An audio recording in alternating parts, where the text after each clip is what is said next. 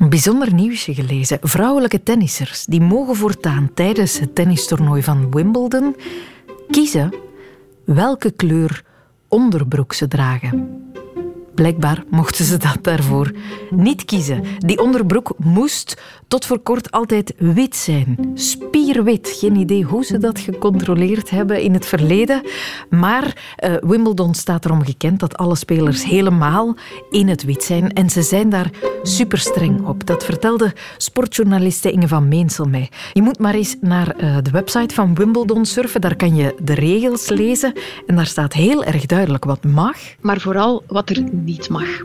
Bijvoorbeeld een gekleurde strook op een t-shirt, een topje of een haarband of ondergoed mag niet breder zijn dan 1 centimeter. En daar zijn ze heel strikt op. Mhm. De scheidsrechter die kan bijvoorbeeld een wedstrijd stilleggen als hij denkt, hier klopt iets niet. Bijvoorbeeld, ik herinner me nog de wedstrijd van Elise Mertens tegen Venus Williams, was in 2017. Mhm. Je zag een bandje van een gekleurde BH en ze moest een witte BH gaan aandoen. Dit jaar nog, de Roemeense Buzarnescu, die droeg een zwarte BH onder een witte top. De stoelscheidsrechter had dat gezien, die haalt er een official bij. En Buzarnescu is naar de kleedkamer moeten gaan op zoek naar een witte BH. Nu, waar komt dat vandaan? Ja, dat ging ik net vragen. Ze. Ja, voilà. Wimbledon is het oudste tennistoernooi ter wereld. Het bestaat sinds 1877. En Wimbledon ligt eigenlijk in een heel residentiële wijk van Londen, buiten Londen. De All England Lawn Tennis and Croquet Club. Dat klinkt al ongelooflijk elitair en dat was ook zo. Een club met heel elitaire leden. Het was het Victoriaanse tijdperk, niet vergeten. En ze waren daar ongelooflijk bang voor wie aan sport deed, dat je zou zweetvlekken zien, want dat was totaal ongepast. was ah, onfatsoenlijk. Ze vonden dat vies. Dus eigenlijk die witte kledij is ontstaan vanuit, ja, ik vind eerlijk gezegd een goede intentie. Want zweetvlekken die zie je minder op witte kledij dan op donkere kledij. Mm. Ze, vonden, ze vonden dat wit eigenlijk ook wel chiquer. Het had meer aanzien, het dwong meer respect af. En dus vanaf 1877 was witte kledij verplicht. Ook het ondergoed moest wit zijn. En wat ze dan ook in de lijn van dat Victoriaanse tijdperk, dat ondergoed mocht niet ondeugend zijn. Ik heb daar een geweldig verhaal van Gus Moran. We gaan terug naar de jaren 50. Het was een Amerikaanse en die was in 1949 voor het eerst geplaatst voor Wimbledon. En die dacht, goh, ik ga aan Ted Tinling, dat was de officiële kledingontwerper van Wimbledon, dat hadden ze daar. Mhm. Ik ga vragen of hij voor mij kan een outfit ontwerpen en met mouwen in twee verschillende kleuren en mijn rok die wil ik graag in een derde kleur. Nu, die Ted Tingling die zei van, oh, dat gaat hier niet doorgaan, want die regels zijn hier zo streng. Maar weet je wat? Ik ga voor jou iets anders doen. Ik ga een kortere rok maken en je mag een kanten onderbroek maken. Die zou dan zichtbaar zijn tijdens het spelen. Nu, fotografen die vonden dat uiteraard geweldig. En het was vechten rond de baan voor het beste plekje. Want zodat ze een zo laag mogelijk shot konden maken hè, om die kanten onderbroek dan te kunnen zien. Maar die officials van Wimbledon, ja, die werden helemaal gek. Die waren totaal gechoqueerd. Die vonden dat een schande. En ze noemden haar Cassie Moran, very naughty. En ze, ja, ze vonden, ja, is hier, ze brengt hier vulgariteit, zelfs zonde op de baan in het tennis. Dit kan echt niet. Het is zelfs tot een debat gekomen in het parlement. Maar alleen... Gussie Moran die was zo gechoqueerd door de impact. Hè. Ze kwam overal op de voorpagina's van kranten tot in Amerika toe. En zij is helemaal gezwicht. Zij is, ze heeft haar kanten onderbroek in, in, de, in de kast gestoken. Ze is gewoon heel sobere, heel nette shortjes gaan dragen. En die Ted Tinling, daar is nog een staartje aangekomen, die was 23 jaar lang de vaste kledingontwerper van Wimbledon. En die is voor 33 jaar verbannen. Die heeft pas in 1982 opnieuw een uitnodiging gekregen om naar Wimbledon te komen. Dus... Zo streng zijn ze, maar nu plots, vorige week kwam dan het bericht dat men van de witte onderbroeken afstapt. Dat atleten nu ook bijvoorbeeld een zwarte of een donkerblauwe onderbroek mogen uh, dragen. Waar komt dat dan plots vandaan? Ja, dat is eigenlijk best wel een mijlpaal. En waar dat vandaan komt, was eigenlijk de Chinese Zhang, die tijdens Roland Garros heel openlijk had gesproken over ja, de fysieke problemen die zij had tijdens haar menstruatieperiode. Voor een Chinese is dat al opvallend dat ze daarover openlijk durft te spreken, maar dat heeft toch iets teweeggebracht bij heel wat vrouwelijke tennissers. En Olympisch kampioene Monica Pugh, die pikte daarop in en die zei van ja, ik heb ook fysieke problemen, maar ik heb ook een ongelooflijke schrik om tijdens Wimbledon mijn menstruaties te hebben, want dan moet ik een witte onderbroek dragen. En stel je maar eens voor dat je een accidentje hebt, een bloedvlek, terwijl je aan het spelen bent. Die mentale stress, ik, ik vind dat verschrikkelijk. Ah, Heather Watson, een Britse speelster, die zei ook: Ik stel zelfs mijn maandstonden uit voor Wimbledon. Dus ah, zover gaat het. Nu, Sally Bolton, dat is de CEO van de All England Club sinds 2020, geloof ik. Sally Bolton, trouwens de eerste vrouwelijke CEO, dat is ook al een mijlpaal voor Wimbledon in dat ongelooflijke elitaire mannenbastion. Die heeft daarnaar geluisterd en die dacht van ja, dit is eigenlijk wel een absurde regel. Weet je wat? We gaan hier eens even overleggen. En laten we dat nu eens veranderen, want het laatste wat zou mogen gebeuren is dat vrouwelijke speelsters, of vrouwelijke ja, uh, speelsters afgeleid zijn, daardoor zich niet kunnen concentreren op hun prestaties, daar mentale stress van krijgen. Dit gaan we afschaffen. Nu, er is wel een kanttekening bij. Mhm. Donker ondergoed mag, maar het moet onder een tennisrokje of een short en het mag daar niet onderuit komen. Dus er zit toch nog iets van die traditie in van het fatsoen en het wit. Uh, dus maar een, donker, een donkere onderbroek mag voortaan voor vrouwen vanaf volgend jaar. En meer redenen hebben wij niet nodig om het eens over ons ondergoed te hebben. Deel van ieders leven, elke dag. Of toch heel veel dagen. En toch is dat geen alledaags gespreksonderwerp. Dus welkom in de wereld van de onderbroek.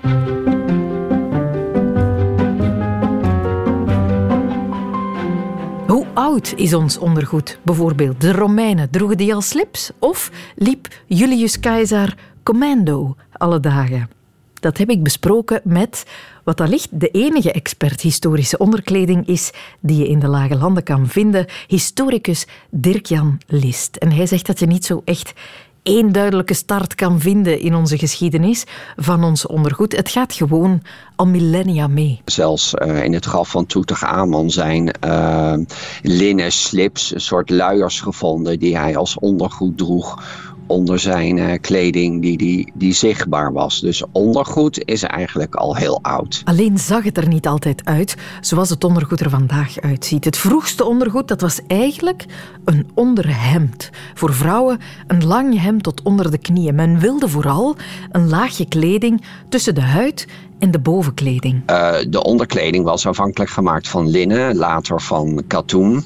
En dat kan je goed wassen. De, de mooie kleding van de zijde brokaten en zware fluwelen stoffen, die kunnen wij nu laten stomen. Maar vroeger kon je dat ja, plaatselijk reinigen met bepaalde goedjes. Maar je had geen uh, wasseretten zoals wij nu hebben. Dus dat was altijd een beetje lastig.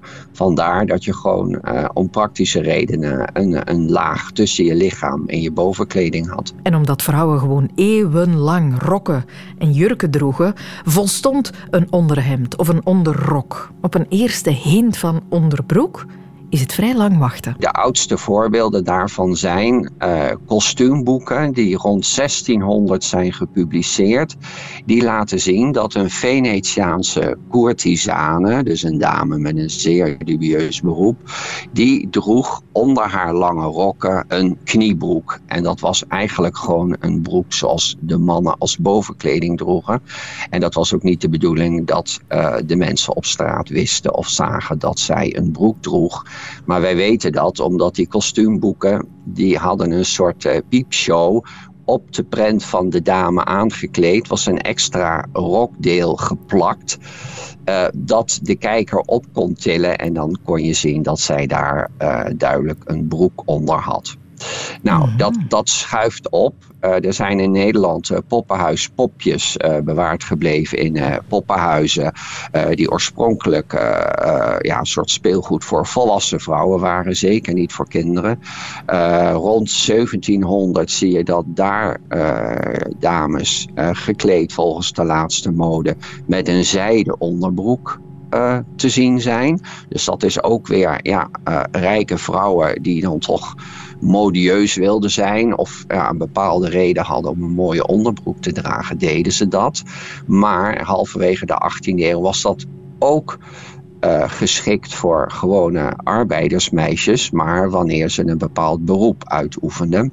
Want er is een verhaal bekend van uh, de beruchte Casanova. Als hij halverwege de 18e eeuw Amsterdam bezoekt, mm-hmm. dan ziet hij meisjes de, de ramenlappen van die hoge grachtenpanden. En zij staan op ladders. En hij is dan van mening, nou ja, als ik met gevaar voor eigen leven onder die ladder doorloopt, dan kan ik naar boven gluren, kijken of ik wat kan zien.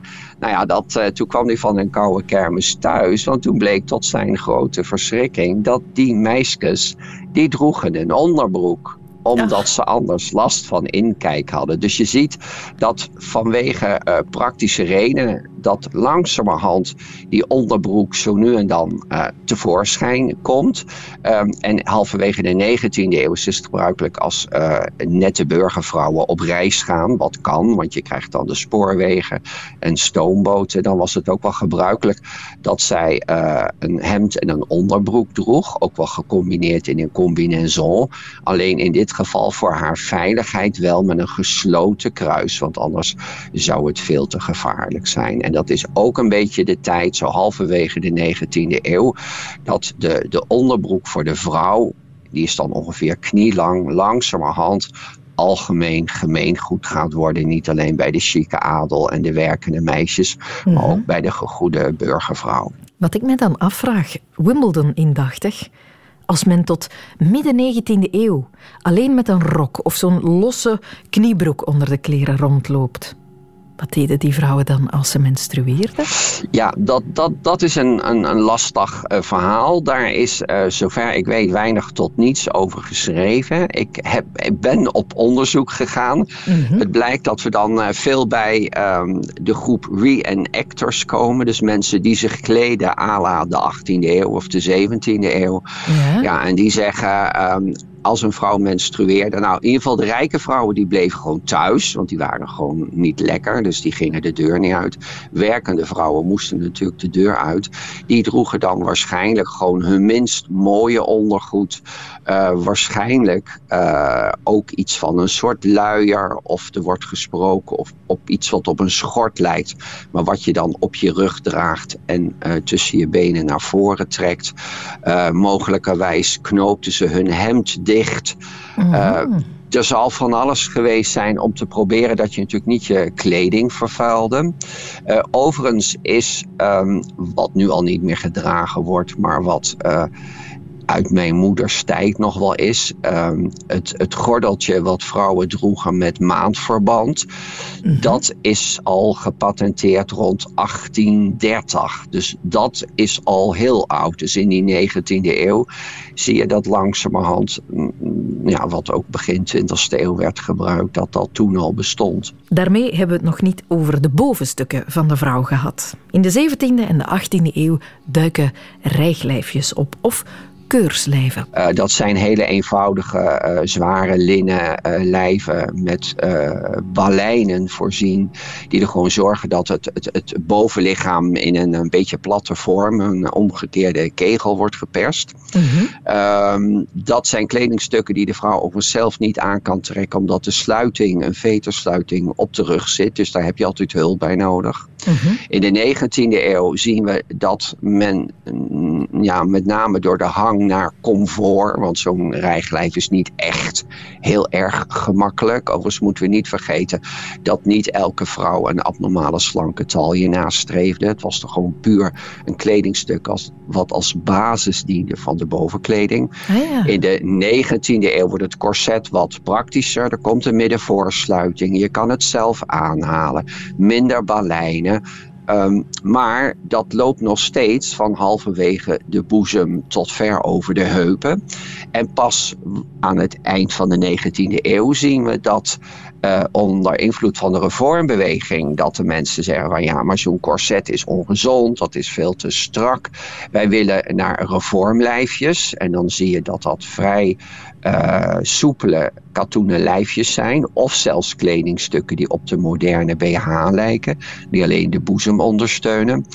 En uh, onder invloed daarvan zien we dat rond 1900 uh, het corset als het ware een beetje naar beneden zakt. De boezem niet meer ondersteunt en het corset een heupcorset wordt. Dan zie je dat uh, afhankelijk van de mode de vrouwen het toch wel nodig vinden dat de boezem wordt ondersteund door een BH. Ons ondergoed volgt dus eigenlijk de hele tijd onze bewegingen en onze noden. En ook de technologische ontwikkelingen van elke tijd. De sensuelere, frivolere stukken ondergoed, die je al wat meer lingerie kan noemen, ja, die kunnen pas ontstaan van zodra men gemakkelijk, machinaal kant maken dat moeten we plaatsen in de tweede helft van de 19e eeuw. Dan zie je heel langzamerhand dat natuurlijk fraaie handgekloste kanten kunnen worden gebruikt. Naaldkant. Uh, naarmate de industrie uh, oprukt, is, is men in staat, of zijn de, de producenten in staat om machinale kanten te maken. maar bijvoorbeeld rond 1900, dat is echt het hoogtepunt voor dameskleding en, en damesondergoed, zie je dat er heel veel machinale kanten worden uh, op kledingstukken worden gezet, uh, ertussen worden gezet. Dus het zogenaamde entre-deux. En dat is ook een beetje de tijd dat de kan-kan ze optreden doet. Mm het was, ja, hele rijke vrouwen hadden gewoon heel mooi ondergoed. En ik vind dat dat dat is dan eigenlijk geen foundation meer. Dat begint gewoon de hele mooie luxueuze lingerie te worden. En dan zie je ook langzamerhand steeds meer kleurtjes. Dus niet alleen het mooie wit of crème, maar ook zacht blauw, roze, rood, noem maar op, paars. Dat zijn toch wel uh, heel geliefde kleuren die je toch ook aan het eind van de 19e eeuw steeds meer uh, ziet oprukken. En terwijl er meer versieringen en franjes verschijnen, meer kleuren, ontstaan er ook al maar aangenamer, elastischer, soepeler, zachtere stoffen die weer nieuwe mogelijkheden doen ontstaan. Zeker vanaf de wereldtentoonstelling in 1851 dat er producenten zijn die uh, rubber gaan gebruiken uh, en, en verwerken tot elastische draden, zodat er ook uh, elastiek in de corsetterie gebruikt kan mhm. worden. Maar dat heeft lang geduurd voordat dat goed werkte.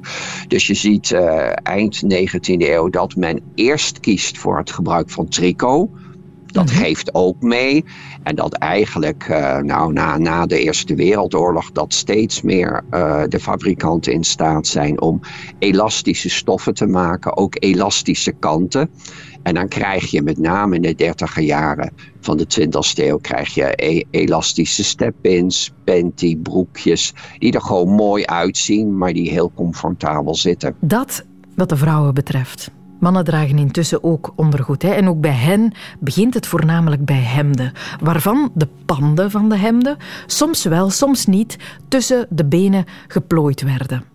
Er komt pas echt variatie in het ondergoedaanbod eens ook de kniebroek zijn intrede doet in de 18e eeuw. Dan zie je dat uh, mannen met spillebeentjes uh, kousen droegen met ingebouwde valse kuiten. Shapewear eigenlijk voor mannen toen ook. En er was meer, hè. de dandies van die tijd, die droegen ook rijglijfjes om zichzelf een mooier figuur aan te meten. Ja, er zijn spotprenten. En is een spotprent is natuurlijk altijd lastig te lezen, want is een spotprent, overdrijft die wat er is of uh, toont hij een angst voor iets wat er mogelijk komen gaat. Maar er zijn bronnen die echt wel uh, vermelden dat er mannen zijn die uh, rijglijven gedragen hebben. De kousen met de valse kuiten zijn in, soms in een museum bewaard gebleven. verder zien we dat in de loop van de 19e eeuw eigenlijk de mannenkleding ten opzichte van de vrouwenkleding steeds saaier, steeds eenvoudiger en steeds somberder wordt. Langzamerhand ontstaat uh, eigenlijk het kostuum, kostuum zoals wij kennen. En dat werd dan vaak uh, uitgevoerd in een zwarte stof of donkerblauw of donkerbruin. En dan is het gewoon heel saai. Ja, en dus is de onderkleding ook saai. Hè? Mannen hebben heel lange tijd onderhemden, lange onderbroeken of soms van die ganse ondergoed onesies gedragen onder hun kleding. Ja, wij moeten niet vergeten, wij hebben allemaal centrale verwarming. Mm die we waarschijnlijk uh, lager draaien door de energiekosten die uh, de pan uitreizen. Maar in die tijd had je natuurlijk alleen maar open vuur in de belangrijke vertrekken. Dus als het winters was, dan was het toch wel prettig als je gewoon lekker warm aan kon kleden. En dan had je nog een extra laag in kinderkleding en babykleding heeft dat heel lang nog geduurd. Je had je, je flanelletjes, je borstrokjes, je onderlijfjes. Dus die kinderen werden enorm dik aangekleed met uh, laag op laag. En later zie je dat uh, zo in eind 19e eeuw dan ontstaat uh, het katoenen uh, tricot of interlock ondergoed. Dat bestaat uit een hemd en een onderbroek. Ofwel een combinaison waarbij uh, beide kledingstukken aaneengevoegd zijn. Uh, gewoonlijk uitgevoerd in katoen, eventueel in wol. En voor de hele rijke mannen in zijde. En voort hè, is het spannendste dat nog gebeurt in mannelijk onderbroekenland. De strijd tussen de bokser en de slip. Typisch voor de jaren negentig. Je was of een slipdrager of een boxershortdrager. Een strijd die misschien vandaag nog altijd bestaat, denk ik. Maar ja, een gamma dat dus een pak minder gevarieerd, verrassend of prikkelend is dan het ondergoedgamma van de vrouw. Het zal een visionair ontwerper moeten zijn die wat meer fantasie in de onderbroekenwereld van de man brengt. Iemand zoals Muriel Scherm misschien, lingerieontwerpster, oprichtster van La Fille d'Eau. Ze is lingerie- of ondergoedontwerpster of onderbroekenmaker. Je mag zeggen wat je wil. Ja, ik hou nogal van uh, een en-en verhaal. Dus ik ben mijn merk begonnen precies om die reden dat ik wou niet kiezen tussen lingerie of ondergoed. Dus door de band zeggen ze, ondergoed is zo je praktische uh, onderbroek. Hè? -hmm. En dan uh, de lingerie is zo hetgeen dat je aandoet alleen in het weekend of zo. Maar ik vind dat uh, vervelend dat je daartussen moet kiezen. Ja. Ik wil dat je en naar je werk kan gaan en Wimbledon kan spelen. Uh, ja, in dezelfde onderbroek dat je niet moet kiezen en uh, extra garderobe in je handtas meedragen. Dat vind ik vervelend. Ja, mooi en makkelijk. Dat kan perfect samengaan. Zeker. Ja, het probleem is een beetje, net zoals dat je zegt, dat ja, mannen hebben zich heel lang uh, gemoeid met wat dat vrouwen uh, moeten doen met hun lichaam of mogen doen met hun lichaam. En in de lingeriesector is dat eigenlijk niet anders. Als je kijkt naar de grootste lingeriebedrijven, die zijn allemaal gerund door mannen. En op zich is daar niets mis mee, maar uh, dat zijn gewoon niet de gebruikers van die producten, allee, of toch niet allemaal.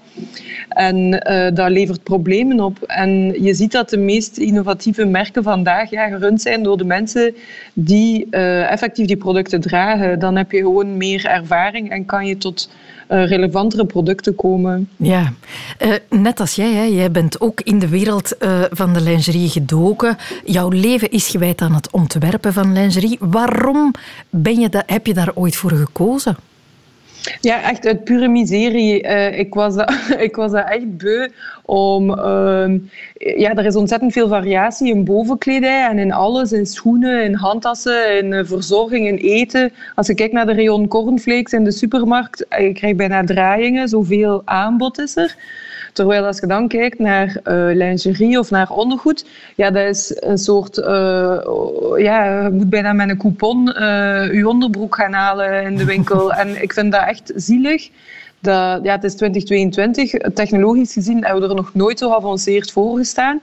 En tegelijkertijd is uh, uw lingerieschuif nog altijd een soort ja, teletijdsmachine naar de middeleeuwen, waarbij dat je moet kiezen tussen uh, ja, heel praktische, lelijke dingen of uh, prachtige, jeukende, prikkende dingen. Mm-hmm. En um, ik wil dat niet. Um, en ja, ik vind het ook heel fijn om, om die techniek juist te gaan verweven met ambacht.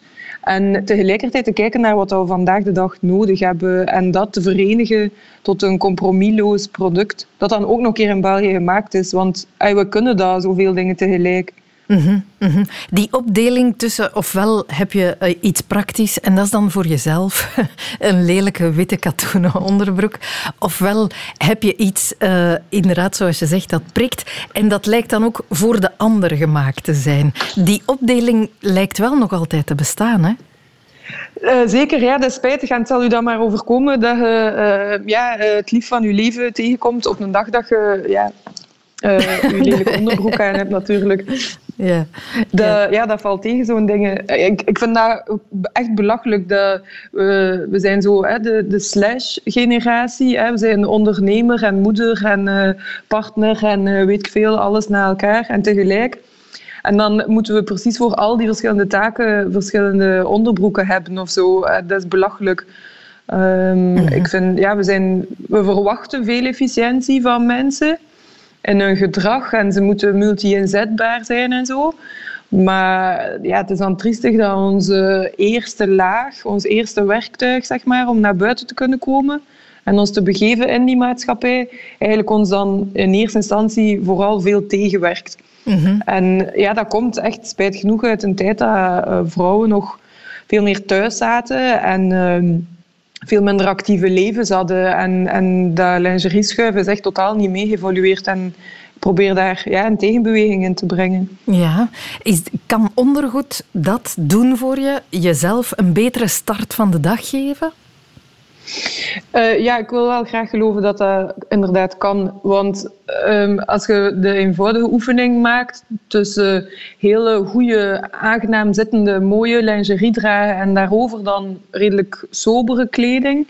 Of het omgekeerde, hè, dus dat je echt beste, de beste outfit uit je kast haalt en dan je vreselijkste lingerie daaronder draagt ik denk dat de meeste mensen wel weten waarvoor dat ze dan zouden kiezen. En uh, die, die lingerie is echt de fundering van uh, eender welk uh, huisvesting, hè, vestimentaire huisvesting, dat, je, mm -hmm. dat je daarop wilt bouwen. En als daar al fout gaat, ja, als je bretellen van je BH constant afzakken of je BH schuift omhoog of, of je onderbroek uh, kruipt tussen je billen, ja, dat is verschrikkelijk gewoon. Mm Dus ja, dat, dat kan vermeden worden. Maar dat is puur, uh, ja, in, in lingerie, als je ontwikkeling of innovatie brengt, dat kost heel veel geld. En zolang dat mensen niet van hun neus maken, ja, gaan de productiemolens gewoon verder lopen. Ja. Uh, dus ja, het is tijd dat we daar... Uh, die, die band een keer stilleggen en herbekijken wat we eigenlijk nodig hebben. Ja, dat wil jij graag doen, van je neus maken en het anders uh, aanpakken. Als we kijken naar de lingeriewereld vandaag, dan staat die nog te veel, of dan is die nog ja, te ouderwets, te gericht op het verleden? Oh ja, ik vind dat wel. Um, als je kijkt naar beeldtaal, uh, hoe dat die de voorbije honderd jaar is geëvolueerd, of niet geëvolueerd, is dat, ik vind dat echt schrikwekkend eigenlijk om te zien dat we nog altijd een soort beschikbaar, uh, seksueel, onderdanig uh, vrouwbeeld neerzetten. En ook heel, heel exclusief. Dus dat blijft nog steeds uh, cisgender, wit, mager uh, persoon als schoonheidsideaal die naar voren wordt geschoven. Mm -hmm. En als je dan rondom je kijkt in de samenleving, is dat alles behalve dat dat ik zie. Mm -hmm. En ik vind dat heel uh, triestig en arrogant en totaal niet meer relevant. Ja, je ziet toch wel veel van die campagnes die nu wat inzetten op de wat meer atypische lichamen. Uh, de vollere vrouw, andere huidskleuren en zo. Is daar niet stilletjes aan een evolutie in aan het komen? Maar nog altijd totaal niet representatief. Uh, de dikke mensen die je ziet, zijn nog altijd uh, acceptabel. Dik zijn de grote borsten en dikke bullen. Maar je ziet niemand met uh, smalle heupen, kleine borsten en alleen een dikke buik. dus binnen die minuscule verschuiving is dat nog altijd heel klassiek. De transvrouwen dat je ziet op catwalks zijn passing. Dus is te zeggen, die zien eruit als cisvrouwen. Mhm. Terwijl dat transpersonen uh, allee, heel veel, allee, op heel veel verschillende manieren hun lichaam kunnen invullen en hun genderexpressie. En dat zie je totaal niet gereflecteerd in de campagne. Dus hij zegt ja, een soort tokenisme dat de meeste merken voor gaan. Mm En uh, dat ze zo, ah ja, we hebben iemand van die huidskleur en iemand van die huidskleur en iemand met die genderexpressie. En dan uh, ja, mag je aanschuiven voor de heiligverklaring als merk, maar ik denk niet dat zo werkt. Dat werkt in eerste instantie. Hè, als u uh, marketingmachine aan de praat is gegaan, maar mensen vallen daar maar even voor. Dat is uh, meestal niet voor herhaling vatbaar. Mensen worden ook altijd maar slimmer. Dus je kunt ze daar in eerste mhm. instantie misschien even mee vangen, maar dan blijven die toch ook op hun honger zitten. Ja, misschien maak je het ook gewoon alleen maar erger. Als je dan een zogenaamd vollere vrouw op je campagne zet en iemand voller kijkt ernaar en denkt, zelfs, ik, ik kan zelfs niet mooi dik zijn. Misschien maak je de situatie alleen maar erger door dat soort... Uh... Tuurlijk, ja, zeker. Want, ja, want je, verandert één, je vervangt ene stereotype door iets anders. Hè. Mm gewoon nog maar het feit dat we nog altijd niet dik durven zeggen op, uh, allee, in onze gesprekken, mhm. dat dat ehm, nog altijd een taboe is. Dat, is. dat is nog altijd een oordeel. Daar ligt nog altijd een schaamte op dat woord. En, en dat is problematisch. We moeten die terreinen echt dringend terugclaimen. Maar mhm. ja, ik, allee, er is een reden waarom dat andere merken dat niet doen, omdat daar heel veel geld mee gemoeid is. En uh, ja, je inkomsten zijn er dan ook naar. Hè. Ja. Ik zie dat perfect als ik op mijn Instagram, als ik een magerder uh, witte persoon toon, uh, ja, die raakt veel beter door de algoritmes dan iedereen die daarvan afwijkt. En dat is problematisch. Onze hele wereld is daar, allee, onze hele infrastructuur eigenlijk is daarop gesteund. En ook als je kijkt dan naar uh, media en uh, ja, hoe dat dan zit met hun uh, investeerders, met de aandeelhouders, met degenen die reclame willen maken in die bladen. Dat hangt allemaal aan elkaar en iedereen houdt elkaar een hand boven de hoofd. En uh, ja, het zijn echt zo de jonge, onafhankelijke merken die geen, uh, geen uitleg moeten verschaffen aan investeerders, mm die inderdaad ja, uh, verschil maken. En uh, de zijn zij die de wereld van morgen eigenlijk aan het scheppen zijn. Ja, ja jij doet het bijvoorbeeld helemaal anders in jouw campagnes. Je ziet mensen met alle figuren, met alle soorten beharing, mannen met vrouwenlingerie aan, of wat men denkt dat vrouwenlingerie is, maar dat misschien perfect ook voor mannen kan. Dat, dat doe je heel bewust. Hè? Dat is een soort activisme, mag ik dat zo noemen? Zeker, graag, dank u. Zeker. Ja. Uh, dus uh, het enige dat daar spijtig aan is, is dat dat activisme is en uh, dat dat niet de standaard is. En het griezelige is dat als je rondom je kijkt, dat dat totaal niet activistisch is om dik te zijn of om een transpersoon te zijn, dan ben je gewoon. dus dat is een bestaansrecht, een geboren recht om te bestaan mhm. en om geliefd te zijn en om geapprecieerd te worden.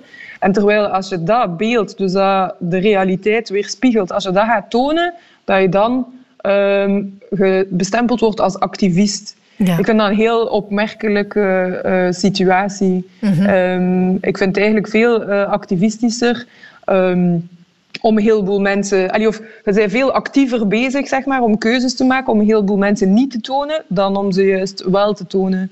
Mm maar ja, zo ziet de wereld er vandaag spijtig genoeg nog niet uh, uit. Maar uh, ja, ja. Uh, a girl can dream, niet? Ja, absoluut, absoluut. Maar het zal allicht ook wel veel van je vragen. Je moet je voortdurend inspannen. Uh, je moet voortdurend ja, uh, blijven strijden voor waar je in gelooft. met ook minder het grote commerciële succes dat die anderen wel boeken.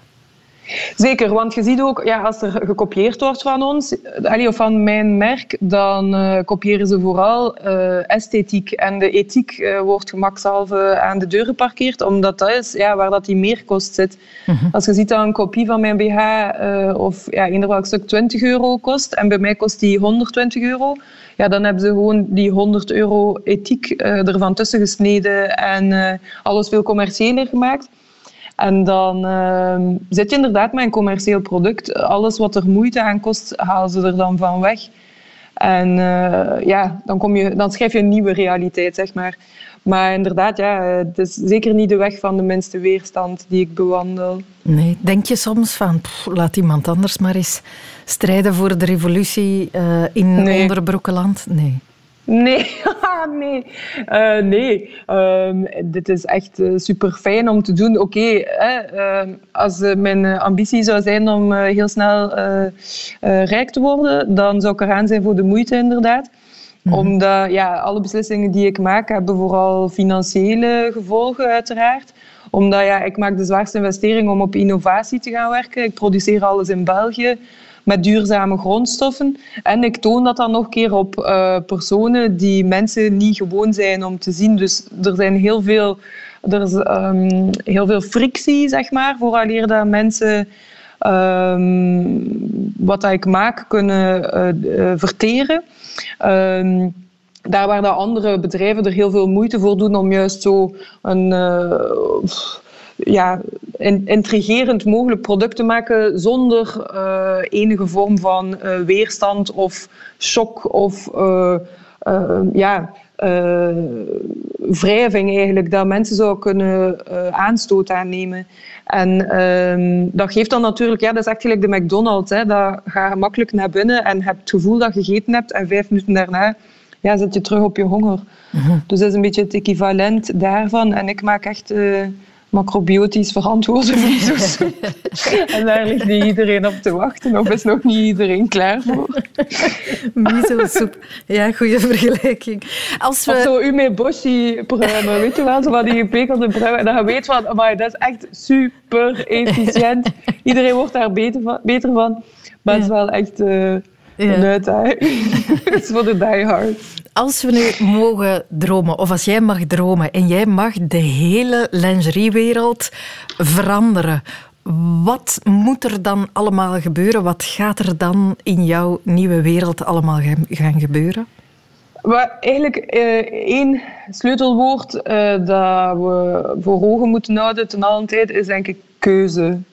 Um, ja, dat, dat iedereen Ehm, maar dan bedoel ik ook letterlijk iedereen kan kiezen um, uit verschillende producten die met hun in gedachten gemaakt zijn, specifiek voor hun.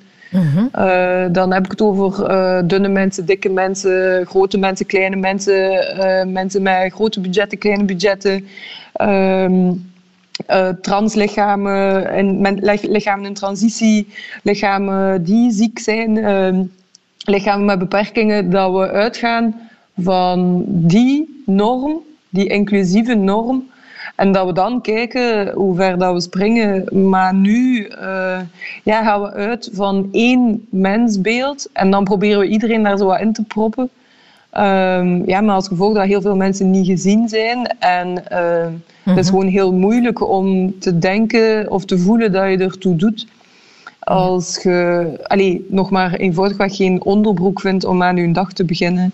Uh dat is een heel rare mentaliteit, denk ik. Ja, eigenlijk heel bijzonder hè? als je het zo bekijkt.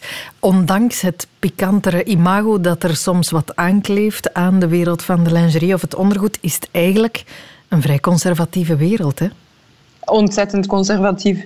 Ja, ja dat is echt uh, ja, nagel op de kop. Muriel Scherre, activiste in Onderbroekenland.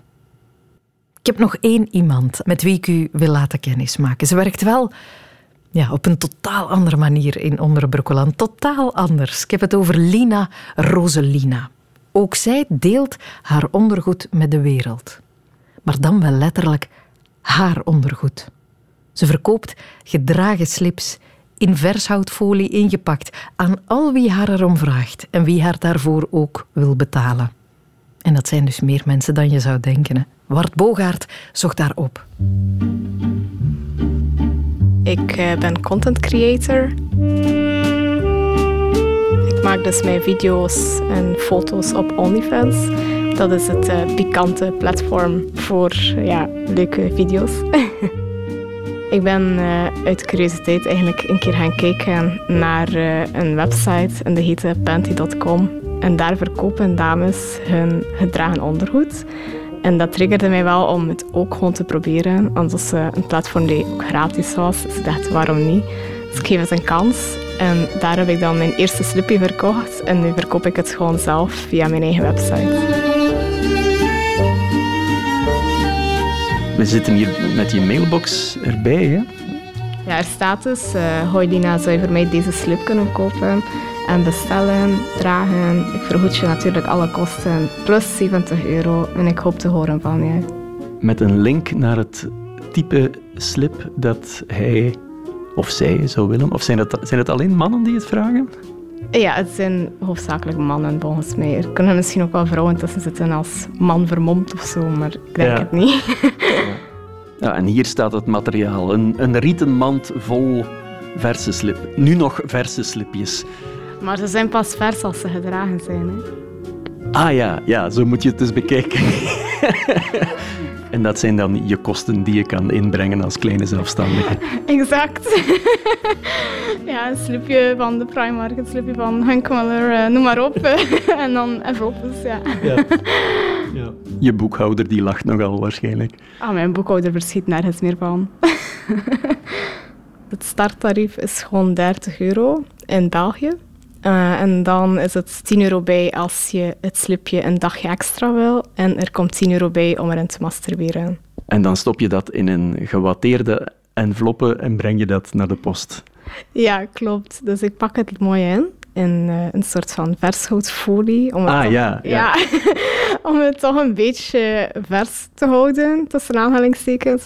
En dan stop ik die dus in de enveloppe, die inderdaad gewatteerd is, omdat het dan een beetje discreter is. En die breng ik dan gewoon naar het postkantoor.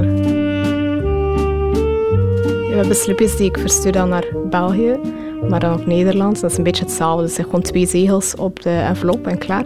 Maar als je een slipje wil versturen bijvoorbeeld naar Amerika, dan moet je een Hanse formulier gaan invullen van douane, van waarom verstuur je dit en hoe verstuur je het en wat zit erin en wat is zijn adres en wat is zijn e-mail en wat is zijn telefoonnummer. Dus ik heb heel veel informatie nodig die eigenlijk ja, niet meer noodzakelijk is voor mij, maar wel voor de douane. Anders is er wel kans dat het open gedaan wordt. Ah, en ben je dan eerlijk over wat er in het pakket zit? Ik probeer zo vaag mogelijk te blijven, zodat het wat discreet blijft voor de persoon in kwestie. Dus ik schrijf altijd op gewoon kledij. Maar dan heb ik soms ja, het ongeluk dat iemand in het postkantoor zegt van het moet specifieker. Dus dan schrijf ik er wel bij ondergoed. Maar dat is toch een beetje vaag, hoop ik. En je wil natuurlijk niet dat je klant een pakketje ontvangt waarin koeien van letters op staat, gedragen slipje van Lina Roselina. ja, dat is. Dus ik probeer het echt zo discreet mogelijk te houden, wat dat niet altijd even makkelijk is. Ik probeer me zo weinig mogelijk voor te stellen wat ermee gebeurt, omdat ik gewoon ook, ja, weet wat ermee gebeurt. Ik denk dat het geen rocket science is om te weten wat er met die slipjes gaat gebeuren. Dus ik probeer er gewoon niet van wakker te liggen en er gewoon op in te gaan. Oh my god, ja, dank u wel. Ja, en daar houdt het op. Ja, daar stopt het ook gewoon. ik krijg soms foto's toegestuurd. En ik vind het eigenlijk wel grappig, want oké, ik ben niet per se degene die graag foto's ziet van geslachtsdelen. Maar dan hangt er zo'n slipje over en denk ik, oké, dat is wel schattig, dank u wel. Schattig. Ja, ik vind het eerder schattig. Ja. Ik, vind het niet per se sexy of zo dat ik een slip zie hangen op iemand zijn piemel. maar ja, het is wel iets leuk om te zien en dat apprecieer ik ook. Is dit nu een markt? Ik bedoel, heb jij collega's die dat ook doen? Ik weet niet of er mensen zijn in België die het ook doen. Ik denk dat er een paar zijn, maar ik ben eigenlijk niet zeker in hoeverre dat die op maandelijkse basis ook gewoon echt slipjes verkopen. Dus ik weet niet of het een vast inkomen is geworden voor die dames in kwestie. Ja. Maar ik weet, ja, er zijn wel websites ervoor, maar er zijn niet echt mensen uit België Nederland volgens mij. Ja. Dus je hebt een gat in de markt gevonden eigenlijk. Ja, een gat in de markt zou ik het nu niet per se noemen, want het is wel een zeer specifieke fetish natuurlijk, maar het is zeker wel iets die bij mij werkt. Lina Roselina over haar slipjesbusiness. Het is misschien geen gat in de markt, het is wel haar gat in de markt. De wereld van Sophie. Radio 1.